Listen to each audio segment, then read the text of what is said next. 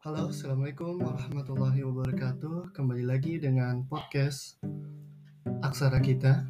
Entah ini bisa dibilang podcast atau tidak.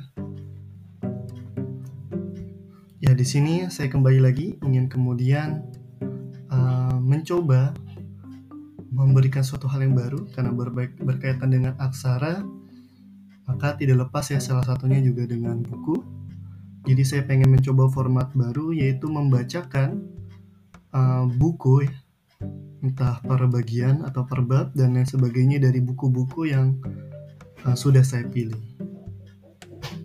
Mungkin seperti itu. Ya, assalamualaikum warahmatullahi wabarakatuh.